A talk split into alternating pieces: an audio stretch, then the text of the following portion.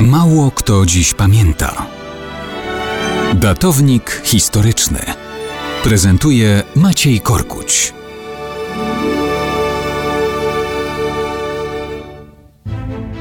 Mało kto dziś pamięta, że równe 810 lat temu wielkim mistrzem zakonu krzyżackiego został Hermann von Salza, rzeczywisty twórca jego potęgi.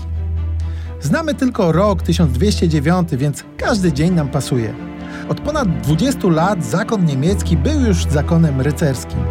Von Salza był czwartym z kolei wielkim mistrzem i panował równe 30 lat. To za jego czasów zakon pozyskał od króla Węgier ziemię Borsa w Siedmiogrodzie. Zaczęli tam wznosić nowe grody, a wielki mistrz próbował zrzucić z zakonu nałożone nań bariery prawne. Zaczęli zabiegać u papieża o pełną autonomię polityczną i wyjęcie spod węgierskiej jurysdykcji. Król Węgier podjął jednak zdecydowane kroki, ostatecznie pozbywając się krzyżaków z Siedmiogrodu. Oficjalnie argumentował, że zakon był, cytuję, jak ogień w piersiach, jak mysz w plecaku, jak żmija w łonie. To, co Hermanowi von Salza nie udało się na Węgrzech, udało się na pograniczu rozbitej na dzielnice Polski i ziem zamieszkanych przez pogańskich Prusów i Jadźwingów.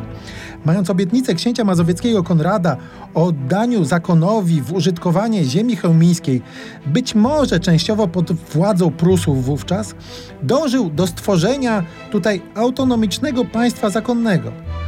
Łączył umiejętnie działania u protektorów na dworach cesarskim i papieskim. I choć Hermann von Salza nigdy w Polsce nie był osobiście, to on krok po kroku, dzięki nadaniom Konrada i gwarancjom papieskim, zaczął z tej odnogi zakonu tworzyć silne państwo, z którego wyrosła nowa potęga nad Bałtykiem. I Polacy poczuli w następnych wiekach, co to znaczy ogień w piersiach, mysz w plecaku i żmija w łonie.